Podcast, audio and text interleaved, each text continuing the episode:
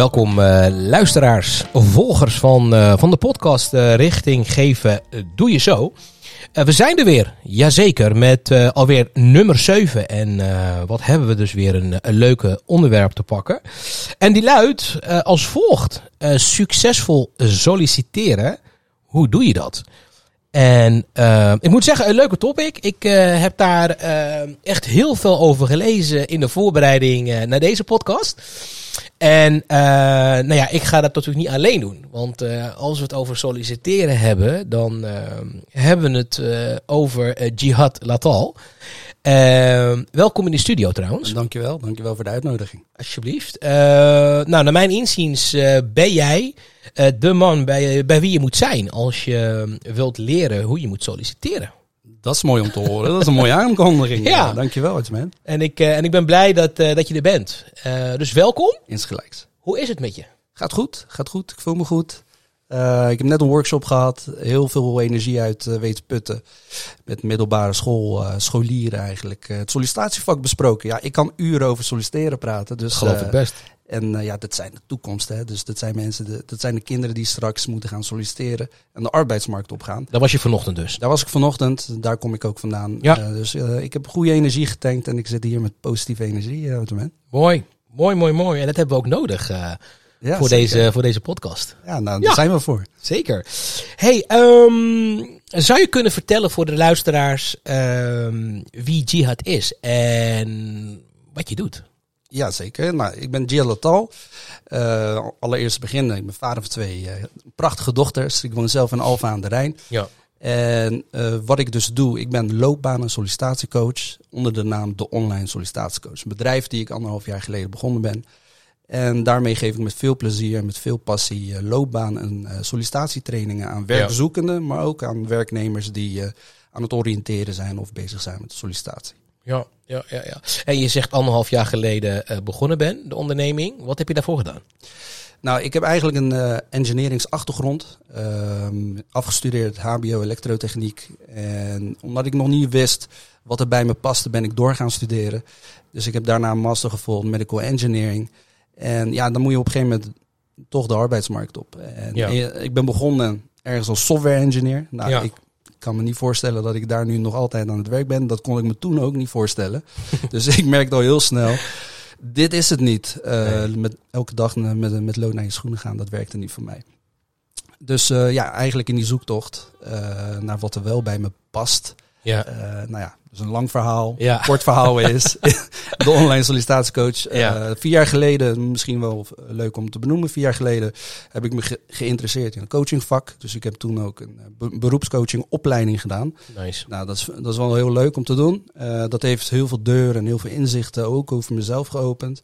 Maar ja, wat ga ik in kwam weer eigenlijk een nieuwe vraag. Ja. Wat, wie ga ik dan coachen? Wat ga ik Het is heel breed, hè? Precies. Wie is mijn doelgroep? Ja, ja. wie is mijn doelgroep? En uiteindelijk kwam ik uh, al uh, vrij snel achter dat mijn doelgroep is, zijn de mensen die zich kunnen herkennen in mijn eigen reis en mijn eigen zoektocht naar een gepaste baan en de struggles en belemmerende overtuigingen overwinnen ja, in een sollicitatietraject.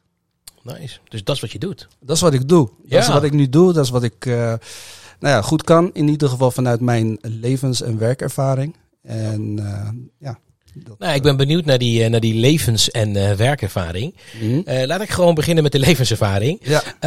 Um, en, en, en, en, en we gaan het nog zeker over hebben, hè, wat je dan precies doet. En, en, en, en wie is dan jouw doelgroep, en et cetera, et cetera. Maar ik wil eigenlijk bij het begin beginnen. Vraag maar raak. Um, en het begin is natuurlijk wat ons uh, uiteindelijk uh, samen heeft gebracht. Dat is natuurlijk even leuk om, uh, om te vertellen.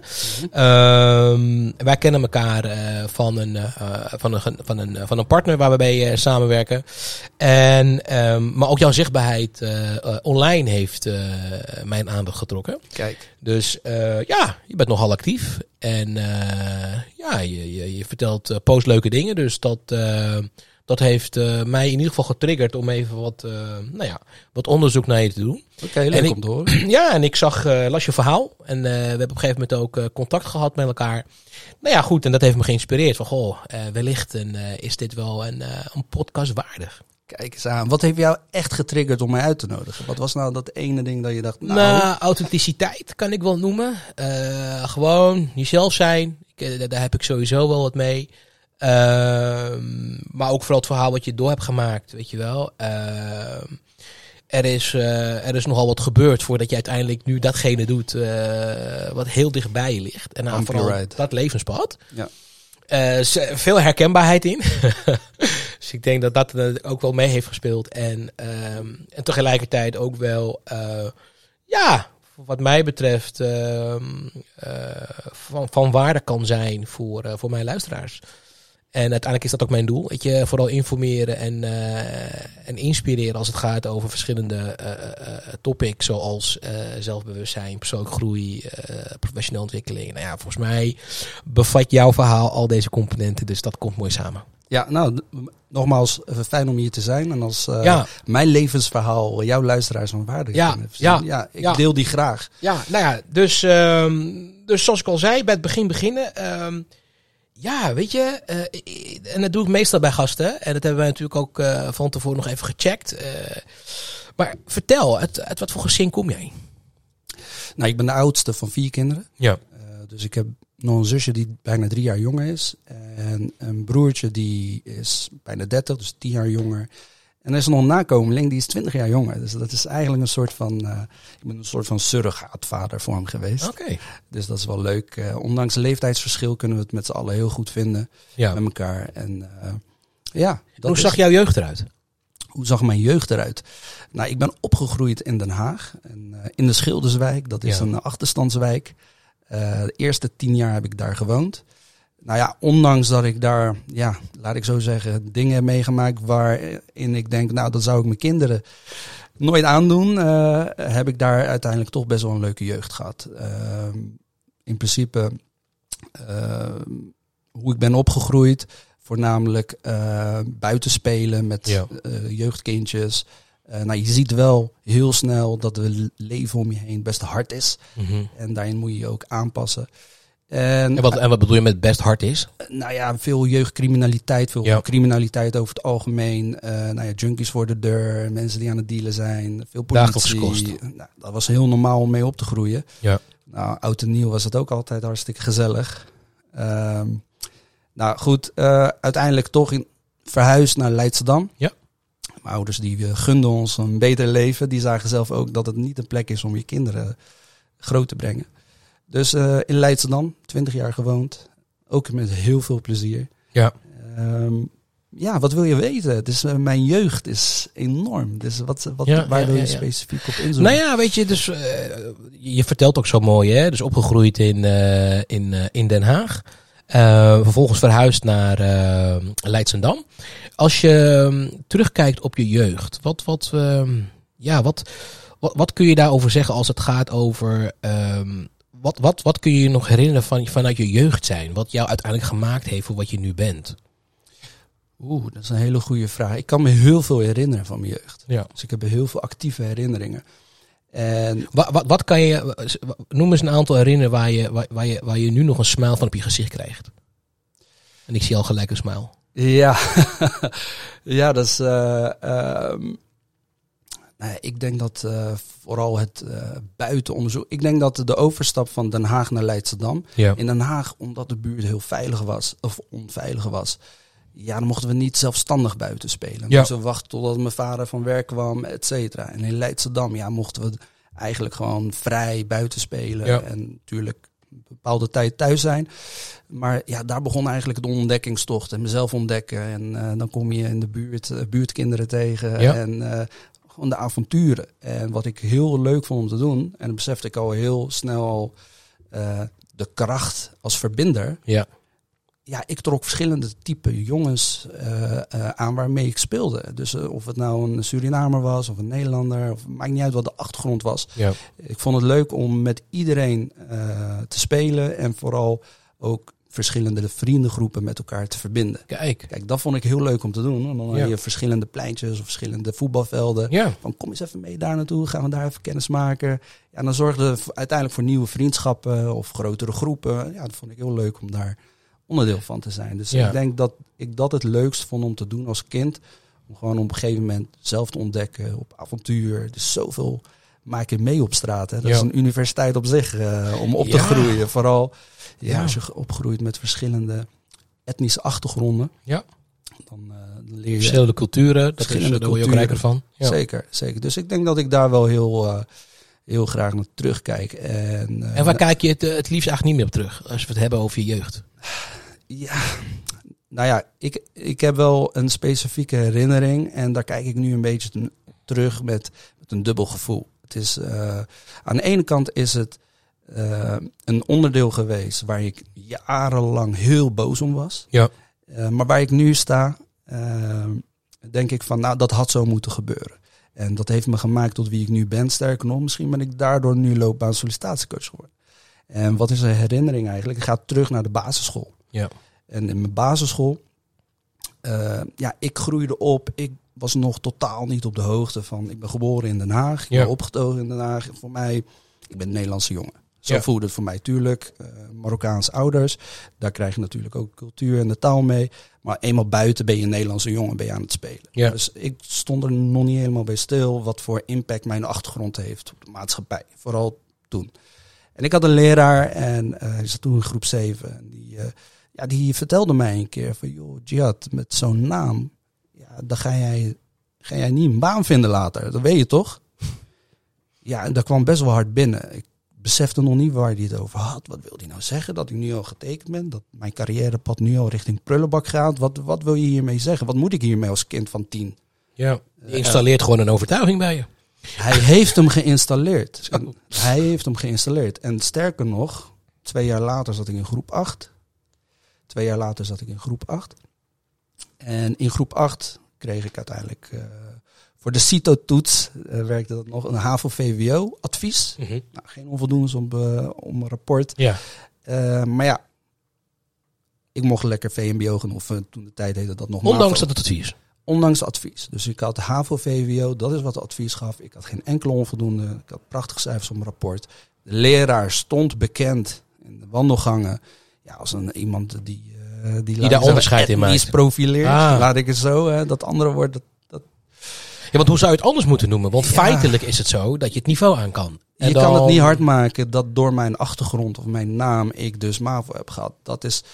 Uiteindelijk geloofde ik daar wel in. Van joh, dat is een racist. En kijk maar, die andere leraar, eh, die blanke leraar, die zei al van met mijn naam eh, zal, zal ik het geen baan krijgen later. En hup, leraar in groep 8, Ja. Die bevestigt dat nog door in plaats mij gewoon te geven wat ik aan kan. Dat hij me denkt, nee, jij mag wel lekker MAVO doen. En ik vond het heel moeilijk om te zien dat de autochtone leerlingen bij mij in de klas, die lager scoorden op CITO-toets, die kregen dan wel gewoon VWO en HAVO-VWO.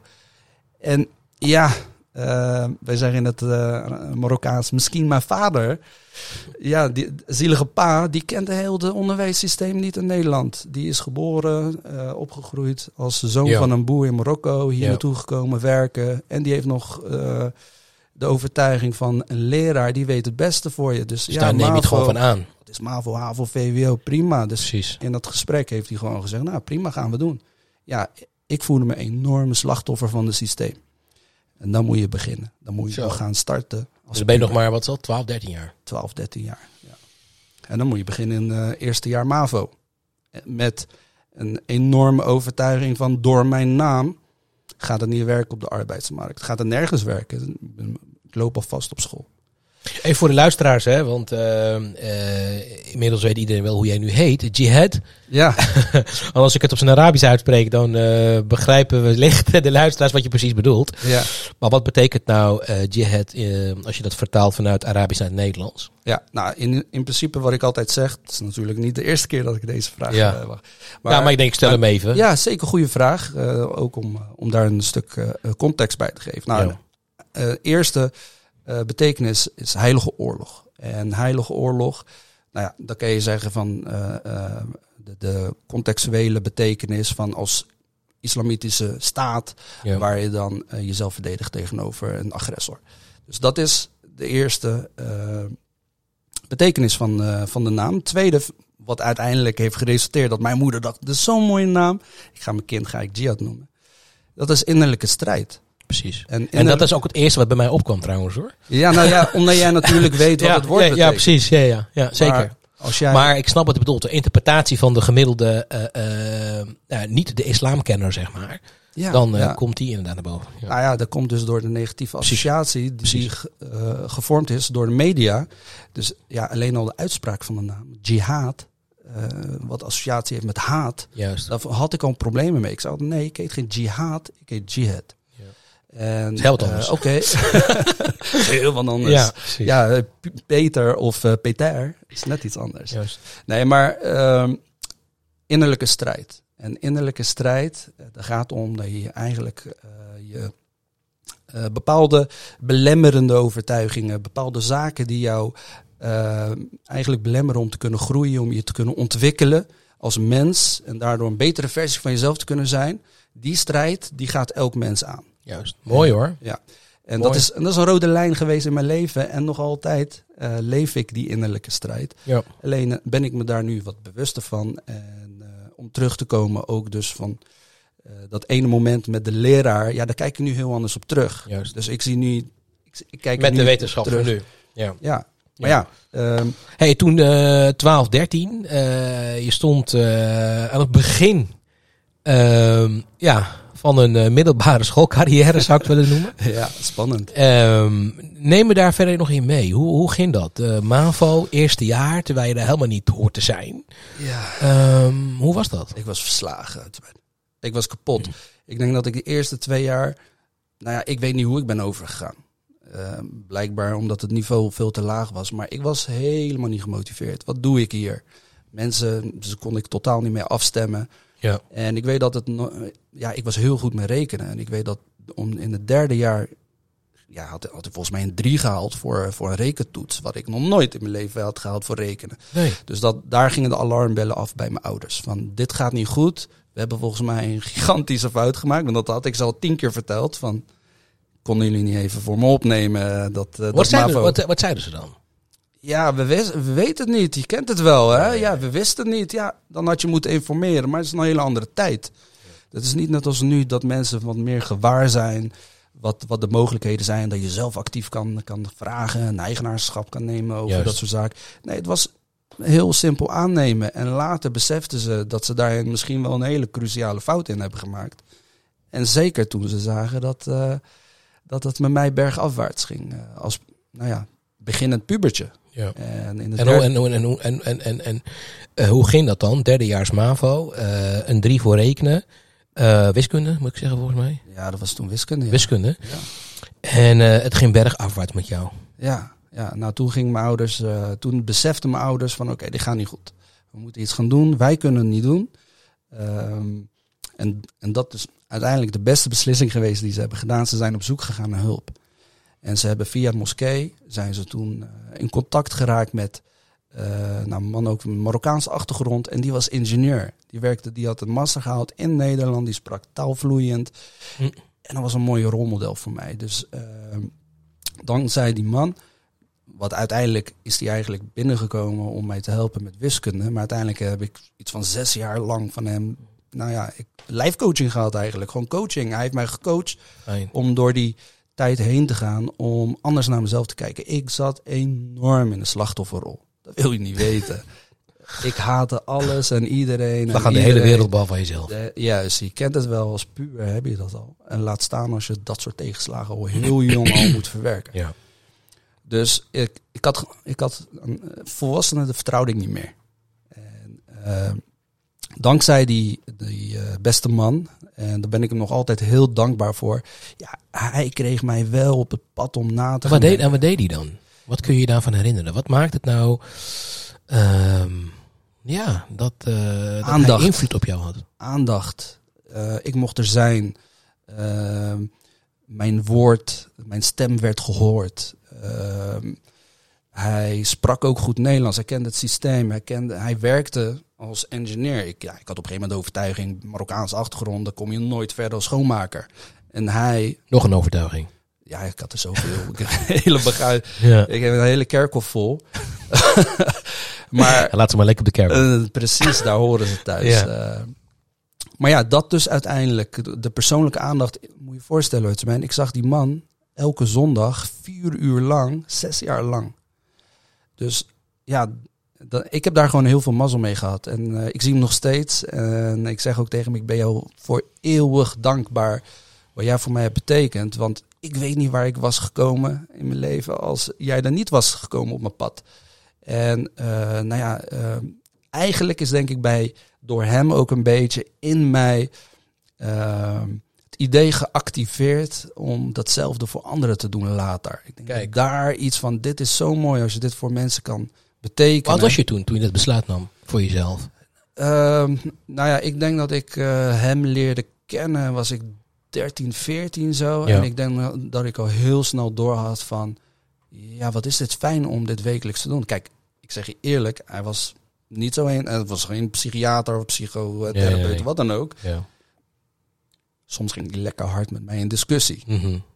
Puur om mij te leren van hoe beheers je jezelf tijdens het communiceren. Ja. Maar uiteindelijk wat ik het meest heb geleerd van deze man is, hoe neem je eigenaarschap over je eigen leven. Juist. En probeer verder te denken dan alleen maar de woede en emotie van het moment. Maar kijk van wat voor impact heeft mijn keuze die ik dan op dit moment ga maken. Ja, soms kwam ik naar hem toe. Ik ben die leraar helemaal zat. uit. ik ga hem een kopstoot geven en alles. Helemaal agressief, 15-jarige jongen, boos, vol vuur. Ja, en hij kon mij dan meenemen van oké, hoe ziet dat eruit? Neem mij even mee hoe dat proces er dan volgens jou uitziet. Waardoor ik even aan de andere kant van de lijn kon inchecken. Ja. Van oké, dit is inderdaad geen slimme aanpak. Oké, wat is dan wel een slimme aanpak? En daardoor kanaliseerde hij eigenlijk mijn emoties. Hij hielp mij mijn emoties te kanaliseren. Dat, dat was het eigenlijk. Waardoor ik in staat was om die enorme nou ja, atoomenergie, om, dat zei hij ook altijd, om te zetten in een kerncentrale in plaats van in een atoombom. Mooi. En eh, Ja. ja. dat, dat, dat, eh, dat, eh, dat vloeit nog steeds in mij. Ik bedoel, ik, ik heb het net al verteld, innerlijke strijd blijft onderdeel van het Als leven je van mij. gaandeweg je het aan het vertellen bent, eh dan kunnen de luisteraars natuurlijk niet zien, maar ik wel. Ja. Maar er gebeurt natuurlijk van alles in je gezicht. Dus, Ja, eh, ja, ja, ja, natuurlijk. Ik, eh, op het moment dat ik weer incheck in die belevingswereld van een 15-jarige jongen die op die manier wordt bejegend. je bent ja, kwetsbaar, je bent jong, je bent op zoek naar je identiteit. En Ja. in plaats van dat er dan mensen zijn die je motiveren, steunen, stimuleren. Ja, dat je dan al zulk, dat soort tegenslagen in het leven al moet verwerken nog voordat je aan je carrière moet beginnen. Dat Ja. doet dat wat met me. Maar ook het besef dat er een heel mooi mens op mijn pad is gekomen. ehm, en die zoveel jaren geduld heeft gehad. En nogmaals, waar ik blij mee ben dat ik nog altijd contact mee heb. Mooi hoor. En eh, ja, ik vroeg hem laatst. Ik vroeg hem laatst, waarom heb je dat allemaal gedaan? Dat deed hij kosteloos. Hij heeft er nooit een cent voor gevraagd. Waarom deed je dat? Dat was zijn antwoord. Ja, hij, ja ik, ik word er weer emotioneel van als ik eh, hoor. Maar hij zei van, ik voelde dat het mijn verantwoordelijkheid is om jou een kans te geven in het leven. Dus jij bent getekend door de gebeurtenissen die Ja. gebeurd zijn. En jouw ouders gaan jou nooit dat steuntje geven die jij kan gebruiken om überhaupt een kans te maken in het leven. Dus je bent eigenlijk nu al, sta je 3-0 achter. Maar ik zag wel de potentie die in jou zat. En het feit dat jij zo onrechtvaardig behandeld voelt, dat je meer aan kan dan dat je gekregen hebt, dat, was waarom ik je wil helpen. Omdat je voelt dat er veel meer potentie in je zit. Ja. En niemand steunt je of motiveert je om die potentie te activeren en naar buiten te krijgen. En daar wilde ik wel een bijdrage aan ja, besteden. Omdat ik wist, ik zag dat niemand anders dat voor jou gaat doen. En Ja. ik wil niet laten terugkijken van dat die Had ik persoon maar, eh, had ik het maar. Juist. Ik zeg nou ja, die kreeg een dikke knuffel van me en eh, natuurlijk voor Mooi, eeuwig hoor. dankbaar. Ja, echt eh, ja. prachtig als je, als je van waarde kunt zijn. En dat is hij voor jou. Dat is die voor mij. En eh, ja, dat wil ik eigenlijk nu ook zijn voor anderen. Ja, Dat is mijn eh, missie, life mission. eh. Ja, ja. Die ja. delen wij ook. Wat de- ja, zeker. En, en hoe?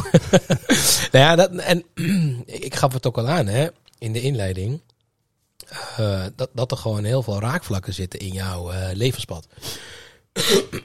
en, ehm, en vooral de raakvlak die, die, ehm, die je zojuist deelde, dat er dus altijd wel iemand is die, ehm, nou ja, die het wel ziet. Eh, en uiteindelijk zoveel impact kunt hebben hè, op zo'n, eh, nou ja, wat zal het zijn? Eh, gewoon een jongetje van, van, van, van 13, 14, 15. Je kunt gewoon het verschil maken. En daar is bij mij in mijn leven ook zo iemand geweest. Weet je? Ja? Dus eh, ja, zeker. En, en, en ehm, ja. Wil je daar iets over kwijt? Nou ja, kijk, weet je, soms, ehm, ja, soms, ehm, eh, meestal is het zo dat als je in de leeftijd van, eh, nou ja, richt, ja, rondom de puberteit, dan ben je gewoon op zoek naar je identiteit en eh, eh, wie wil ik zijn. Of je kijkt vooral naar je omgeving. Ja, en, zeker. ja, wat is dat? En ehm, ja, en, en van, van huis uit merkte je daarin dat er, nou ja, weet je, dat er niet heel veel begeleiding was. En omdat mijn ouders het super druk hadden. Mijn vader was buitenshuis eh eh, centjes verdienen. Want eh, ja, die, eh, die moest zorgen voor, ehm, eh, voor, eh, voor het eten. En, eh, hè? zo is het. Ja. En mijn moeder die, eh, die was druk eh, met het opvoeden van, eh, van mij en mijn broers en zussen. Dus, dus er was gewoon, ja, het was, eh, het was nogal druk. En om dan mij echt specifiek eh, te begeleiden in mijn, eh, nou ja, noem het even, eh, wat heb ik nodig en de aandacht te geven, die, waarvan ik vind die je hoort te hebben op die leeftijd, ja, was er niet. En, en dan kan het natuurlijk twee kanten op gaan. Eh, of het gaat helemaal fout en het komt nooit meer goed. of het gaat fout en, eh, en er komt een passant voorbij. En, ehm, ja, en die ziet het wel in je. En, eh, nou ja, en die steekt een hand uit. Mooi dat je passant zegt. Want- Ja, ik geloof, kijk, ik geloof heel erg dat het leven. ehm, eh, in het leven zullen er heel veel passanten voorbij komen. Ehm, eh, en elke passant ehm, eh, eh, he- ja, draagt iets met zich mee. Of kan iets achterlaten bij je. Ehm, en, en ja, en de beste man ehm, ja, heeft nogal wat achtergelaten, kan ik je vertellen. En zo hebben nog meer mensen impact op mijn leven gehad. Dus eh, de ene wat, wat, wat, wat, eh, wat grotere impact als de ander. Ja. Maar uiteindelijk is het simpelweg gewoon invloed uitgeoefend en impact gemaakt bij mij. Wat ervoor heeft gezorgd dat ik eh, een ander, ander mindset ben gaan aannemen. Juist. Ehm, en ik denk dat dat bij jou natuurlijk ook eh, gebeurd is. Ja. Ehm, neem me verder mee in jouw levenspad. Want op een gegeven moment eh, ehm, eh, de MAVO.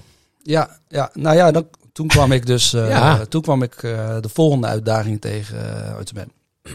Namelijk, eh, nou, ik heb MAVO gedaan en ik ben eindelijk eh, had ik de energie weer en de motivatie en de zelfverzekerheid om te zeggen, nou weet je wat, ik ga iets doen wat nog niet iemand gedaan heeft, of niet snel iemand doet.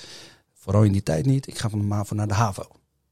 Ja. Nou, moet je je voorstellen dat mijn mentor tegen mij zegt, dat is zelfmoord voor jou. Oké. Ik ga dat niet toestaan. Dat kan jij niet aan. Gewoon jouw mentor die moet enthousiasmeren en empoweren om het beste uit je te halen. Die tegen mij zegt, eigenlijk plat gezegd, jij bent gewoon te dom voor de AVO. Ga jij maar lekker gewoon richting MBO. Lekker schoenen poetsen of wat dan ook. Anyway, met alle respect voor MBO, daar heb ik het niet over. Maar in haar beleving kon ik het niveau nooit aan. Maar waar was het dan op gebaseerd? Goeie vraag. Cijfers of niet? Cijfers waren prima. Ik had geen onvoldoendes. Maar dat werd niet snel gedaan. Het was niet iets wat, wat, wat normaal was. Dat je, je gaat van de MAVO naar de MBO. En van de MBO kan je naar de HBO. Maar je gaat niet van de MAVO naar de HAVO. Mits je allemaal negen staat. Dat had ik dan niet. Of zij had gewoon ook gewoon weer een overtuiging. Vast en zeker. Maar uiteindelijk waren er dus meerdere mensen op de school die uh, die overtuiging hadden dat ik het dus niet aan kan. En ik moest gewoon, ze hebben gewoon letter, letterlijk gezegd: jij gaat gewoon niet verder hier op school. Je gaat je diploma halen. En je zoekt maar buiten de deur uh, de mogelijkheid om de haven te gaan doen. Dat ben ik dus gaan doen. Is een enorm vuur in mij gaan woekeren. Wat al jaren natuurlijk al geleden geactiveerd was. En ik ben gewoon dus buiten school waar ik toen op zat, ben ik gaan uh, nou ja, een andere school gaan opzoeken eigenlijk. Ja. En uh, ja, dat is eigenlijk dus de nuance van het leven. Het leven zit niet alleen maar vol met mensen die uh, je de kansen ontnemen, laat ik het zo zeggen. Je hebt ook altijd yin en yang, balans te herstellen. Er zijn Ja. er ook zoveel mooie uh, mensen die uiteindelijk, ja, vooral door de authenticiteit, Ja. Dat vuurtje kunnen zien in je. En door alle overtuigingen heen kunnen kijken. En gewoon een kind zien die heel graag wilt. Ja. En dat is wat ik gedaan heb. Ik heb een afspraak ingepland toen met de coördinator van, eh, van de HAVO. Eh, en die was wel benieuwd van, wat kom je hier doen eigenlijk? En ja, die zag gewoon een jongen die met zoveel passie en zoveel energie Ja. In zichzelf gelooft en die stap gewoon wilt zetten. Dat hij toen zei van, nou, ik geloof in jou. Dus ik doe dit nooit. Ik geloof in jou. Ik geef jou een kans om de haven te mogen doen. En Kijk. toen mocht, toen mocht ik dus de haven doen. En eh, ja, was een beetje de, eh, het geloof in de mensheid weer een beetje hersteld. Eh, ja, dat had ik Oh, wel even nodig hoor. Na, na, ja, ben ik 16, 17 en dan eigenlijk al drie van dat soort tegenslagen al te verwerken hebben. Dus ja, natuurlijk heeft dat impact op de overtuigingen Ja. later. Wanneer je eh, een, zoektocht naar de juiste studie, dat, dat daarin heeft het gewoon iets anders, eh, iets langer geduurd dan dat ik zelf misschien in eerste instantie verwacht had. Maar ja, ik ben op mijn 25ste pas afgestudeerd. Omdat ik telkens maar, ja, wat wil ik dan gaan doen en wat wil ik dan gaan doen? Stel je carrière maar zoveel mogelijk uit, want Ja. misschien met mijn naam kom ik toch niet aan de bak. Dus dat Ja. is die onbelemmerende overtuiging die toch bleef plakken aan me. Mhm. En nou ja, op een gegeven moment getrouwd, een kindje op komst, je gaat toch moeten werken. En ja, ja, dan kom je erachter dat het allemaal niet zo makkelijk gaat. En enerzijds had ik misschien wel de banen die dan eh, wat gangbaarder waren, maar ja, daar vond ik gewoon mijn energie niet in. Dus eh, elke maand. Wat, wat deed je toen dan? Ja, gewoon wat ik zei, eh, software engineering, Ja. electrical engineering. Ik Ja. was gewoon daar aan het engineeren. En ja, ik, eh, ik, ik, ik merkte dan al heel snel na een paar weken al van, wat doe ik hier? Dit is niet iets wat ik wil, graag wil doen. De hele dag een beetje achter de laptop zitten, een machine zitten. Ik wil praten met mensen, ik wil, ik wil, ik wil de energie voelen in een ruimte. Ik wil het gevoel hebben dat we met z'n allen ergens naartoe werken. Ja. En dat had ik niet. Eh, dus ja, dan op zoek naar een andere baan. Maar ja, geen kennis van het sollicitatievak. Zo. En met een dikke overtuiging dat ik waarschijnlijk met mijn naam toch niet aan een andere bak komt. Dus ja, wat gebeurt er dan? Daar waar je op focust, dat trek je aan. Ja. Ik kreeg die banen niet, die Nee. ik wel heel graag wilde hebben. Nee. De ene na de andere afwijzing. Ik denk dat ik wel 200 afwijzingen in mijn leven heb gehad. Hoeveel? 200.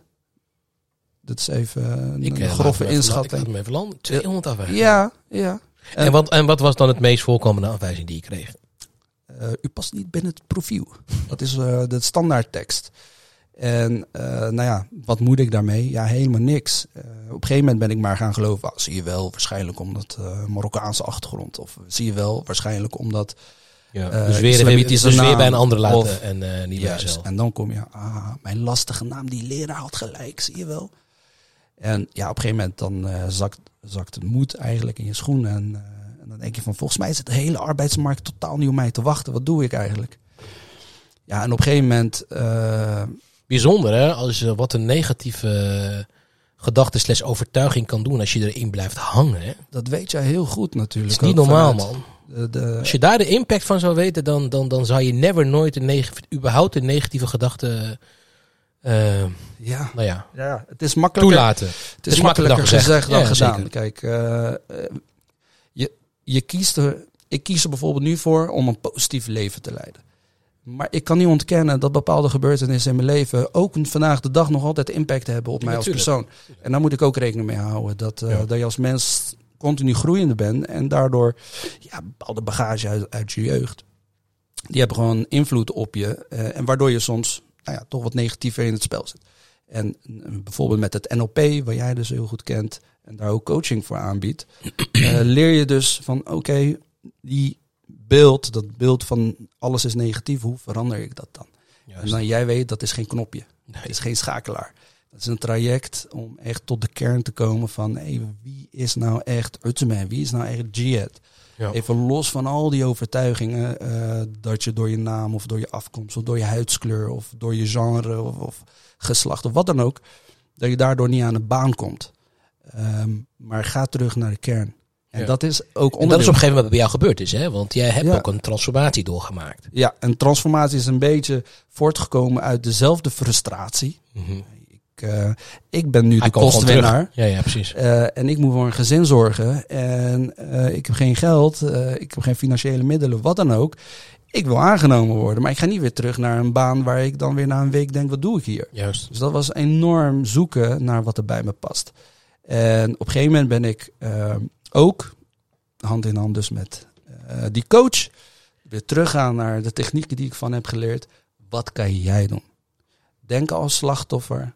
Zijn er uiteindelijk twee slachtoffers. Jij en jij, zei hij altijd. ben jij het niet, is het je ego wel. Juist. Dus zorg altijd voor dat je teruggaat. Hè, waar we het net over hadden. Pak het stuur in handen. En kijk gewoon waar je zelf kan veranderen. En eenmaal dat die mindset ging van zij, zij, zij naar ik, ik, ik. Ja, toen zag ik, mijn cv zit vol spelfouten. Um, die hele cv-layout, dat ziet er eigenlijk niet uit. Nee. Een motivatiebrief stuurde ik nooit. Uh, zichtbaarheid, wat dan ook, op het internet of wat dan ook, Wat is maakte dat? ik geen gebruik van. Ja. Solliciteren, nou, ik kwam binnen, uh, ja, dan begon ik te, de, ik kwam niet uit mijn woorden. Simpele vraag. Vertel eens wat over jezelf. Ja, wat ga ik allemaal vertellen, joh? Ik heb zoveel meegemaakt. Uh, wat, waar zie je jezelf over een paar jaar? Ja, ik heb zoveel doelen, ik heb zoveel ambities, maar wat ga ik vertellen? Dus dat ging ook niet lekker. Ik, nu, nu, nu, nu je zo die voorbeelden noemt, kan ik me denk ik wel voorstellen dat, uh, nou ja, weet je, dat er heel veel mensen wel tegen dit vraagstuk lopen. Ja, ja, zeker. En dat is wat ik nu dus herken, en dat is het mooie aan mijn werk wat ik nu doe, is, kijk, bij mij is de belemmerende overtuiging geweest dat de, die ene leraar tegen mij zei, met jouw naam, jouw lastige naam, ga je niet aan de baan komen. En dat dat toen door bepaalde Precies. gebeurtenissen voor mij bevestigd werd. Ja. Dus mijn belemmerende overtuiging is, met mijn naam ga, je, ga ik niet aan de baan Juist. komen. Daar moest ik overheen. Ja. Maar wat het, wat het mooie is, is wat ik zie met uh, de cliënten die ik nu coach, is zij hebben hun eigen belemmerende overtuiging. Zeker. Daar waar ik vroeger als kind dacht, nou, die autochtone Nederlanders, die hebben het allemaal makkelijk. Nee hoor, elk persoon zit met ja. zijn eigen belemmerende overtuiging. Juist. Ik zie het met een vrouw die heel graag wil doorgroeien in de engineeringswereld, een enorme mannenwereld. Ja, ook heel lastig. Misschien heeft zo'n vrouw dan ook een belemmerende overtuiging. Maar ja. het feit dat ik een vrouw ben, zorgt ervoor dat ik nooit een, man, een team van mannen kan aansturen. Ja. Of het feit dat ik een huidskleur, donkere huidskleur heb, zorgt ervoor dat ik niet word aangenomen. Of het feit, noem het maar op, zo heeft iedereen zijn eigen verhaal. Wat ervoor zorgt dat hij niet over dat drempel heen kan. Maar iedereen kent zijn struggles. Niemand iedereen is daarvan kent vrij bewaard. Nee, nee, nee. nee, maar toen de tijd dacht ik, ik ben de enige die, die struggles heeft in het leven. Maar gaandeweg kom je achter, iedereen heeft zijn struggles op zijn eigen manier. En uh, heel veel mensen die zich dus met mijn verhaal kunnen identificeren. En dan niet eens zozeer gericht op de context van ja. naam of uh, achtergrond. Ja. Maar in hun eigen belevingswereld zien ze toch raakvlakken met mijn struggles. En ja, hoe ik dat heb aangepakt. Ja, en hoe je dat om kunt zetten uh, naar wat het uh, wel voor je kan doen. Weet je wel? In plaats van het niet. De aanpak en het programma wat ze dus nu zien, daarin, ja, ja dat put een beetje hoop voor die mensen Ja. ook. Van oké, blijkbaar kan het dus wel. Ja. Nou ja, daar, ga, daar, daar gaan we het ook nog zo even over hebben. Ja. Hoe dan jouw programma eruit ziet. Ehm, waar ik ook nog even benieuwd naar ben, is dat ehm, die transformatie die je door hebt gemaakt. ehm, eh, wat mij betreft eh, is die transformatie natuurlijk al begonnen toen je in aanraking kwam met, ehm, noem het even de life coach of de, de, de, beste aardige man, zeg maar. Ja. Ehm, wat heeft het met je ouders gedaan? Hoe, hoe kijken zij nu naar jou, zeg maar? Oh, dat is een mooie vraag, Goedsman. Oké, dat is een hele mooie vraag. Want ik heb dat namelijk nog nooit vanuit hun perspectief zo bekeken. Ja. Van dat moment voor, ja, mijn ouders die waren... Kijk, ik ben zelf nu vader. Ik weet hoe het is wanneer je in alle wanhoop misschien je kind eh, wilt helpen, maar niet weet hoe. Vooral als je niet gestudeerd hebt of wat Ja. dan ook. Ja. En ja, ik denk dat ze het in het begin wel mo- moeilijk vonden of zo. Van oké, moeten we maar vertrouwen een onbekende man. Die zit daar een paar uur per, eh, per week eh, met hem te praten. Waar hebben ze het eigenlijk over? Ja. Maar het mooie was is dat- die beste man, die ging regelmatig naar mijn vader toe. En dan zei hij tegen me, wist jij dat jij een heel mooi ruw diamantje in jouw... eh, Maar dat wist jij niet, dit. dit wist ik Ah, niet. ja. Nee, dat hoorde ik pas jaren later van mijn Ja. vader. Dat hij dus dat soort gesprekken met hem had. En dat hij hem dus... eh, Dus jouw vader werd gewoon geïnformeerd. ik had niet zo'n hele... gewoon een update. Ja, ik had toen de tijd niet zo'n hele goede, lekkere relatie met mijn vader. Nee. Dus we, we, we waren niet in dat soort speaking terms. Ehm, Ja. en ik vond in, in, eh, in die coach vond ik dus wel een type die, die een bepaalde behoefte van mij die ik thuis niet kon Ja, vinden. ja, ja. En, Die vervulde hij. en die vervulde hij. En hij zag daarin, wel wacht eens even, die jongen is 15, maar hoe hij in het leven staat, super interessant eigenlijk. Hm. Weet jij, beste pa, dat jouw zoon zo is? En dat wist hij niet. En voor mijn vader was dat toen ook heel oké. Zijn mooie inzichten. Blijkbaar heb ik een andere perceptie. Wat goed of wat fout is. En uh, nou ja, dat, dat hoorde ik later. En uh, ja, mijn ouders zijn, uh, zijn die man ook gewoon nog altijd heel erg dankbaar. Want zij hebben de transformatie letterlijk beleefd vanuit huis uit. Gezien van wat dat met een kind doet. Omdat er iemand achter je staat die gelooft. die je begeleidt. Die de intelligentie en de emotionele intelligentie heeft. Om bepaalde levensvraagstukken mee te kunnen bespreken. Om die mee te kunnen doornemen. En er is gewoon ruimte voor, voor, voor uh, mijn eigen woord, mijn eigen vragen, mijn eigen onzekerheid. Zonder dat dat meteen veroordeeld wordt. Ja, dat is goud waard. En uh, ik zie dat volwassenen dat in volwassen leeftijd al heel interessant vinden. Jij merkt het ook, iemand van 40, 50, puur door zo'n opstelling aan te nemen. Help je die, die mensen om een transformatie naar een krachtige ik te krijgen. Ja. Puur door te doen wat je doet. Ja. En laat Ja, staan ja. als je dat als kind al, zeg maar, al meemaakt, die nog enorm zoekende is. Hoe is het contact nou eens nu met je vader? Ja, super geweldig. Ja, dat was een eh, reis op zich. Eh, dat is een beetje begonnen in de tijd dat ik dan zelf eh, eh, meer ging in- interesseren in persoonlijke ontwikkeling. Zelf even wat met, dus vijf jaar geleden. Nou, uiteindelijk is daar dus ook eh, die beroepscoachopleiding eh, uit voortgekomen. En ja, ik hoef je niet te vertellen dat eh, een hele coachvak, dat gaat eigenlijk ook voor een heel groot deel over jezelf Absoluut. en je eigen overtuigingen.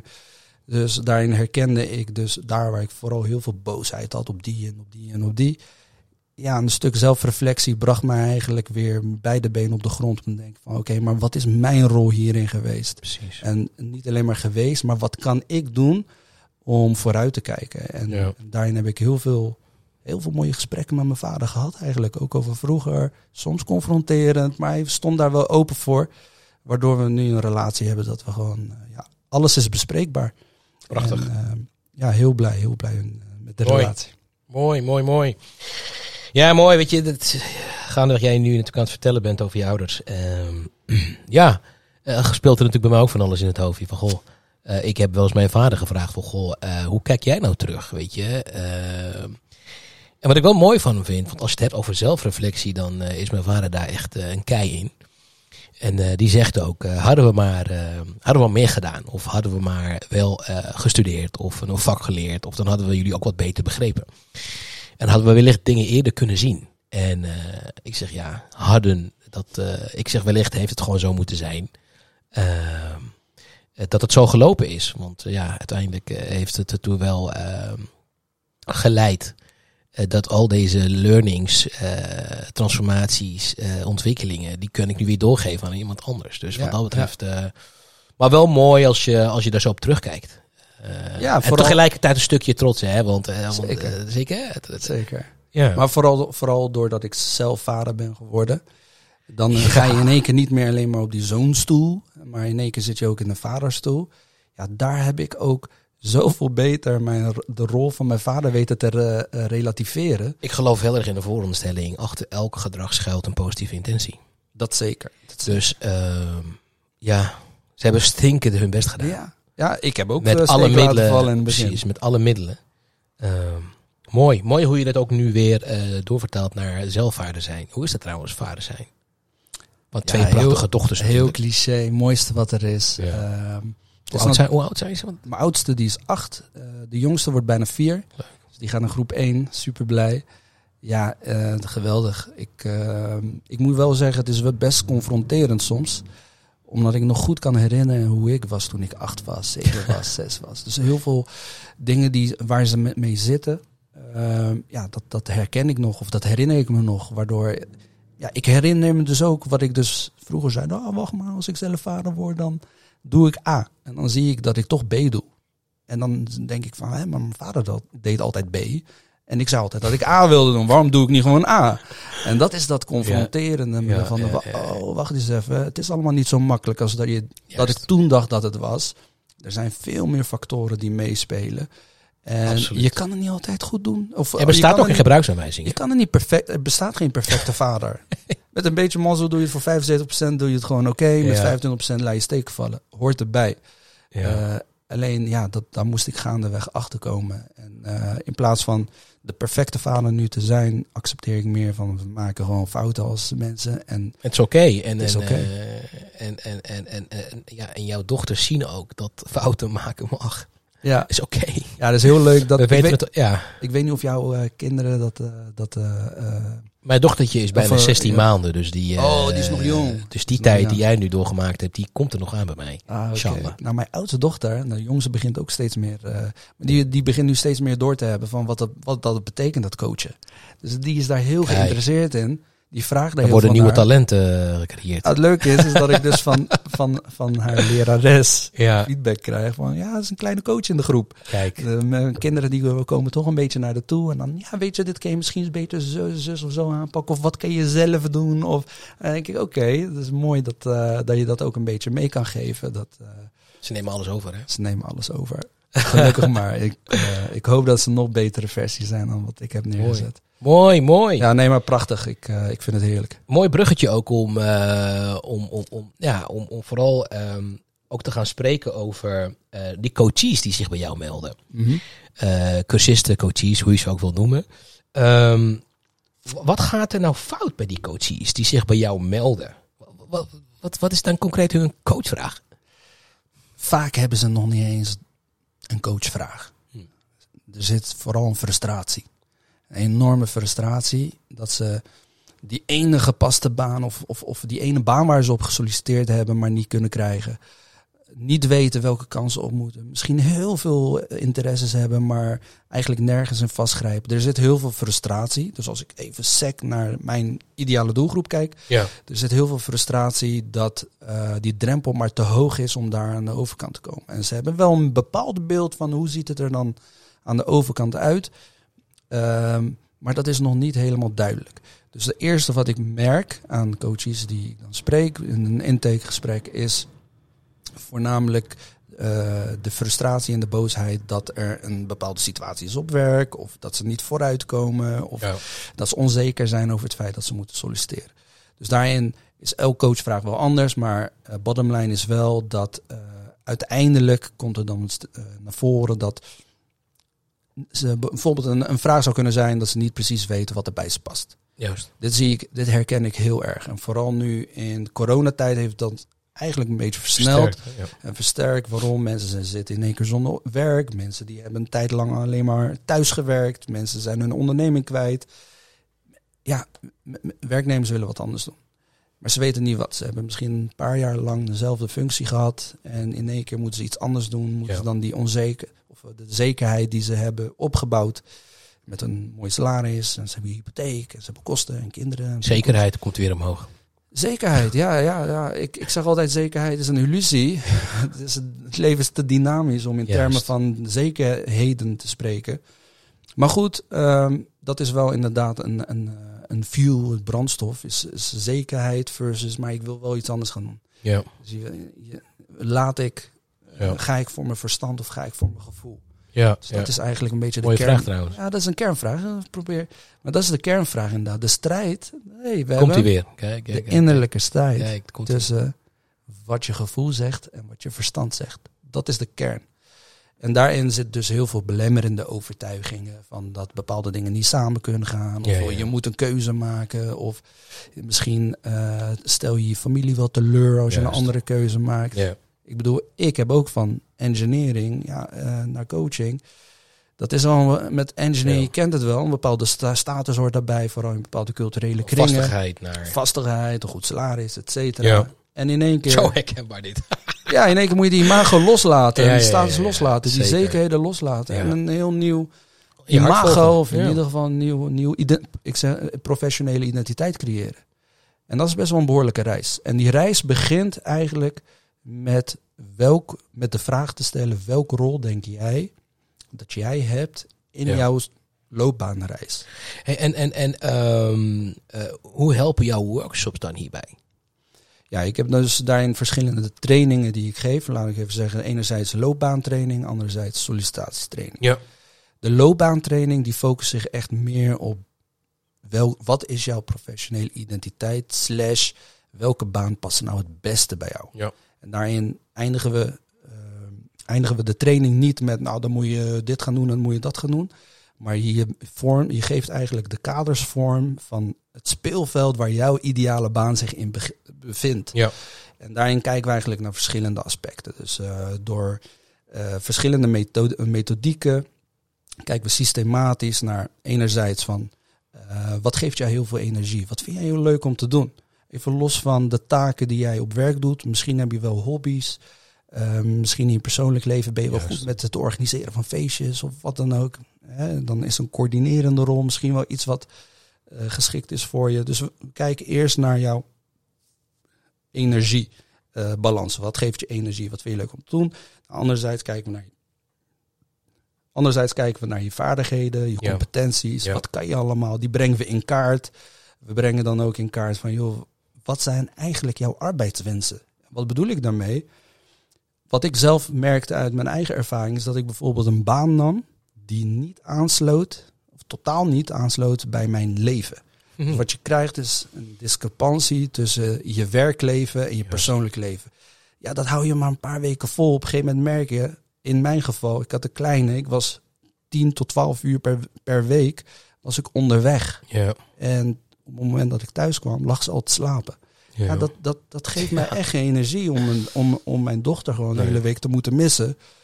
Uh, en uh, ja, ik, uh, daarin, daarin besefte ik van oké, dat, dat urenlang reizen, dat past niet bij me. Dus dat is één onderdeel even, los van de salaris, van wat wil je verdienen. Een, een, onderdeel, maar wel volgens mij een hele belangrijke. Dat is een hele belangrijke onderdeel. Dus we brengen ook in kaart wat jouw arbeidswensen zijn als we kijken naar jouw huidige leven. Dus hoe past dat heel mooi in je huidige leven? Nou, via die systematische methodiek krijg je op een gegeven moment, maak je inzichtelijk wat zit er in je hart, wat zit er in je koppie, wat zit er in je buik, je intuïtie. Dat maak je inzichtelijk, waardoor je, ja, je kijkt eigenlijk naar je professionele identiteit. Waar, uh, waarin je dus heel duidelijk, ook in die reis, kom je tot bepaalde inzichten, wat er nou echt bij je past. Ja. En welk verhaal je eigenlijk de hele tijd jezelf voorhoudt, ja. Wat niet klopt. Nou, aan het einde heb je dus een keer verbaal inzichtelijk gemaakt van wat er dus het beste bij past. Dat is de loopbaantraining. En de sollicitatietraining, dat gaat eigenlijk meer om mensen die uh, een, een duwtje in de juiste richting willen hebben. Uh, als het gaat om het begrijpen van de sollicitatievak. Dus mensen die nog nooit hebben gesolliciteerd, mensen die moeite hebben met solliciteren of onzeker zijn erover. Daarin loop ik met ze gewoon het hele treintje af van de sollicitatietraject. Wat, wat moet je vooral niet doen bij solliciteren? Ja, een heleboel, maar... Eerst wat ben je op um, Waarvan je zegt, nou, dat, dat zijn echt de dans. Oké, het klinkt weer heel cliché. Je hebt me hier uitgenodigd door mijn authenticiteit. Ik ben wie ik ben. Vroeger dacht ik, als ik maar, weet ik veel, iemand ben die zij heel graag willen zien dat ik dan ben. komt het wel goed. Dan komt dat wel goed. Maar daar nou ja, prikt de gemiddelde HR-medewerker HR of recruiter zo doorheen. Dus ga vooral niet lopen bluffen over ik kan dit, ik kan dat. Uh, uiteindelijk, om terug te komen, wat moet je dan wel doen? Ja, jezelf zijn, maar wat houdt dat dan precies in? Dat heb ik in het eerste onderdeel uh, beschreven, dat je weet wie die jezelf dan is. En het tweede is, net als wat we nu doen, een sollicitatiegesprek is niet anders dan een standaard gesprek. Ja. Uiteindelijk, op het moment, wanneer heb je een heel fijn gesprek? Wanneer er sprake is van verbinding.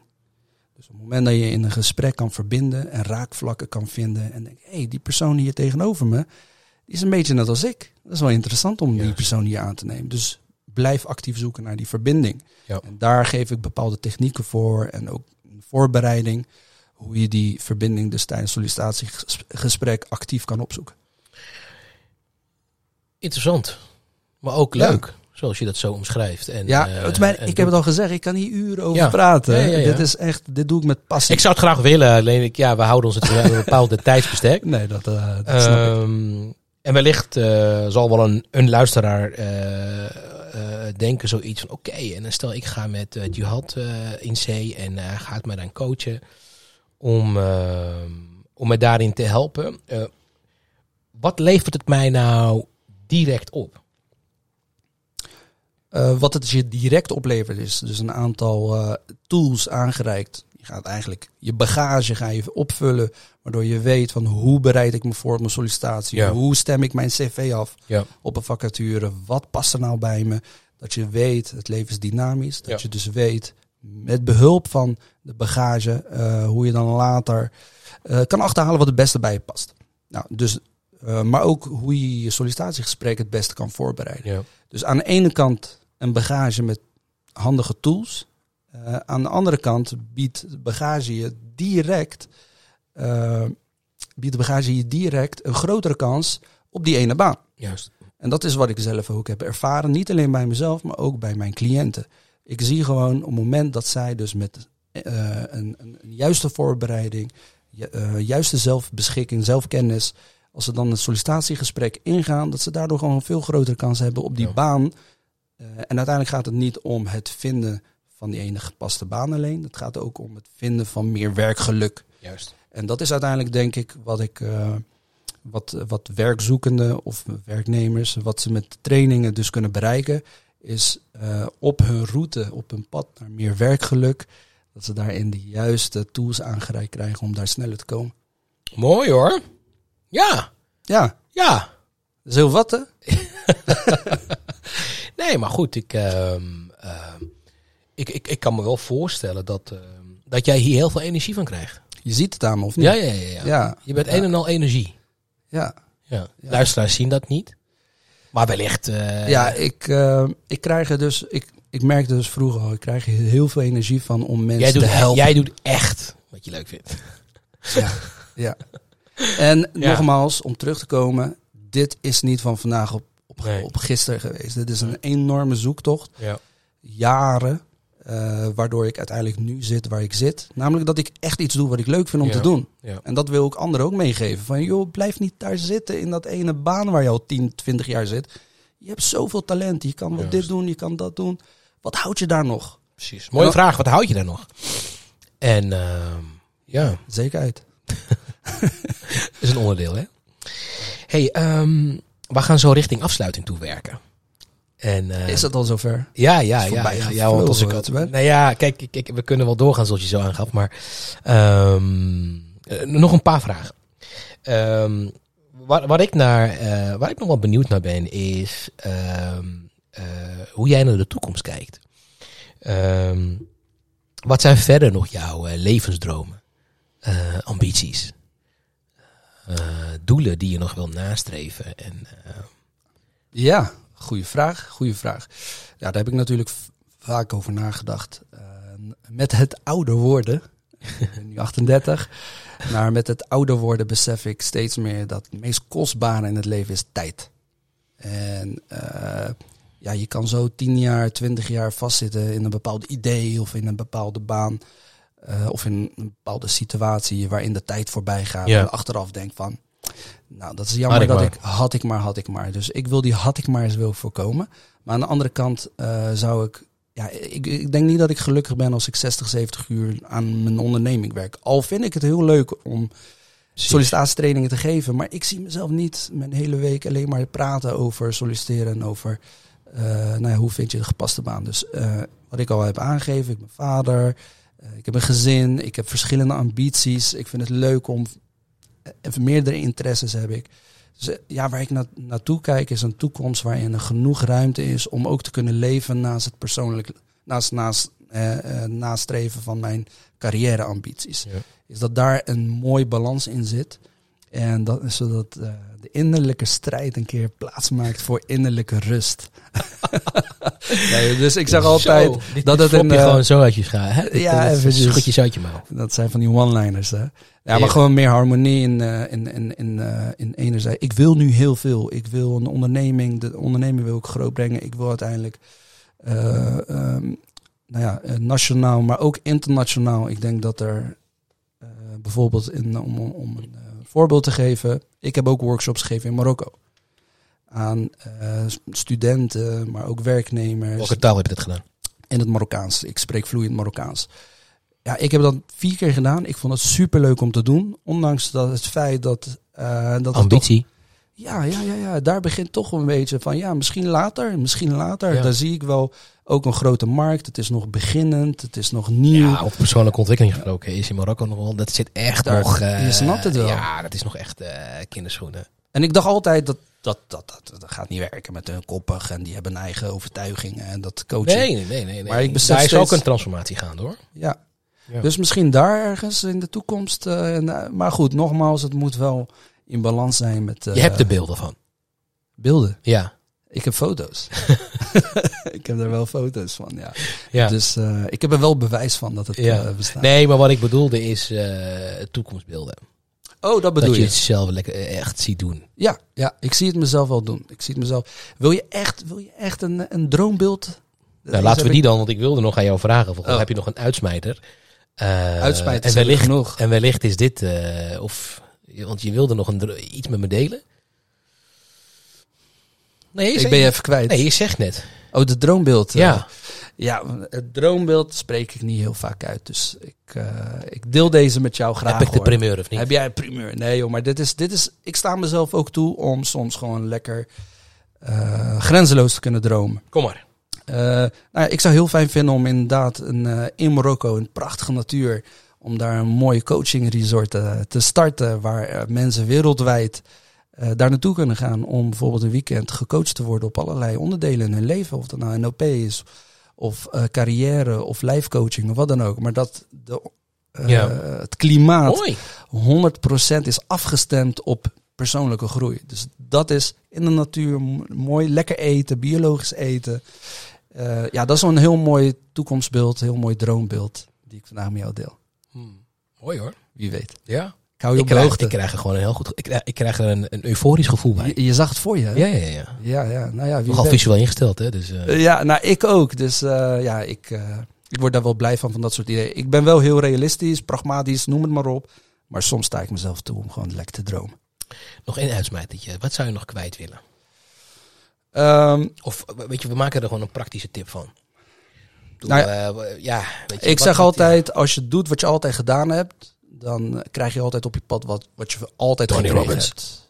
Tony Robbins, inderdaad. Einstein heeft hem ook gezegd. Ah, Ehm, blijf je in die vicieuze cirkel, blijf je continu jaar in jaar, aan, eh, jaar in jaar uit dezelfde cv gebruiken, dezelfde functiegroepen eh, opzoeken, dezelfde baan, dezelfde, noem het maar op, dezelfde handelingen doen, dan zal je dus altijd dezelfde dingen aantrekken, dezelfde frustratie, dezelfde Ja. uitdagingen. Dus wil je echt een keer veranderen en eh, je weet niet hoe, daarin is al een eerste stap om te nemen. Ga met, daarin met een professional ja. begeleider aan de slag. Of dat nou op eh, coach of eh, carrièrevraagstukken zijn of levensvraagstukken.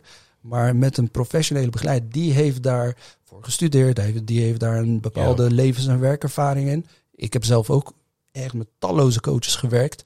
En ik merk daarin dat je daarin in ieder geval leert van wat moet je anders doen. Dat je altijd gedaan hebt. Ja. En daarin opent een nieuwe pad naar nieuwe mogelijkheden. Die je totaal niet eh, ja, eh, van dacht dat die mogelijk waren om die in Ja. jouw leven nog te kunnen implementeren. Ja, mooi, weet je. En, en, en je hoeft het gewoon eh, niet alleen te doen. Ehm, nou ja, daarin heb jij het eh, natuurlijk laten zien als klein kind.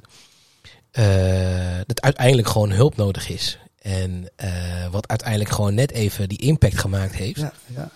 Ehm, ja, durf, durf gewoon die, vraag, die hulpvraag te stellen. Durf je kwetsbaar op te stellen. En ja, ja, je zal versteld staan wat voor mogelijkheden dan Precies allemaal op je pad komen. Jihad, ik wil je bedanken voor dit eh, mooie en inspirerend gesprek. Graag gedaan. En, ehm, en wellicht eh, zijn, er wat, eh, zijn er luisteraars die zoiets hebben van... Goh, nou, ik zou nog wat meer willen weten over Jihad. Ik zal even in de beschrijving wat links achterlaten. Ja, nou ja, daar kun je Jihad ook verder opzoeken en wat, hij nog meer, wat hij nog meer doet. Ehm, voor nu nogmaals, ehm Jihad, bedankt dat je je verhaal wilde delen met ons. graag gedaan nogmaals. Ik En, vond het leuk eh, om te doen ook. Ja, ja en, en, en onze volgers eh, voor het luisteren wederom. En ehm, ja, tot, eh, tot de volgende podcast Ja. van... eh, Wil ik nog één dingetje delen? Ja. Mag dat? Mag ja. Allerlaatste je- afsluiting. Omdat je zo aandringt. Kom maar op. Nee, dit is ook voor de luisteraars misschien wel interessant. Wat ik eh, aanbied, wat ik wil aanbieden, is in ieder geval elke luisteraar die nu luistert en denkt, ik zit nu vast in mijn, in mijn werk of ik wil wat anders doen, ik weet niet wat, of ik heb problemen met solliciteren. Ik bied 45 minuten gratis, kosteloze intake. Waarin we in ieder geval in de eerste 45 minuten kijken. Wat zijn nou de belemmeringen waar je nu tegenaan loopt? Wat zou je. En een actieplan kunnen we bedenken waar je op in ieder geval de eerste stappen naar verandering uh, krijg je daarin mee. Dus dat uh, geef ik in ieder geval hiermee mee. Ik vroeg een uitsmijter en die krijg ik. Alsjeblieft, met peper en zout. Nogmaals uh, dank en tot de volgende podcast van Richting Geven Doe Je Zo.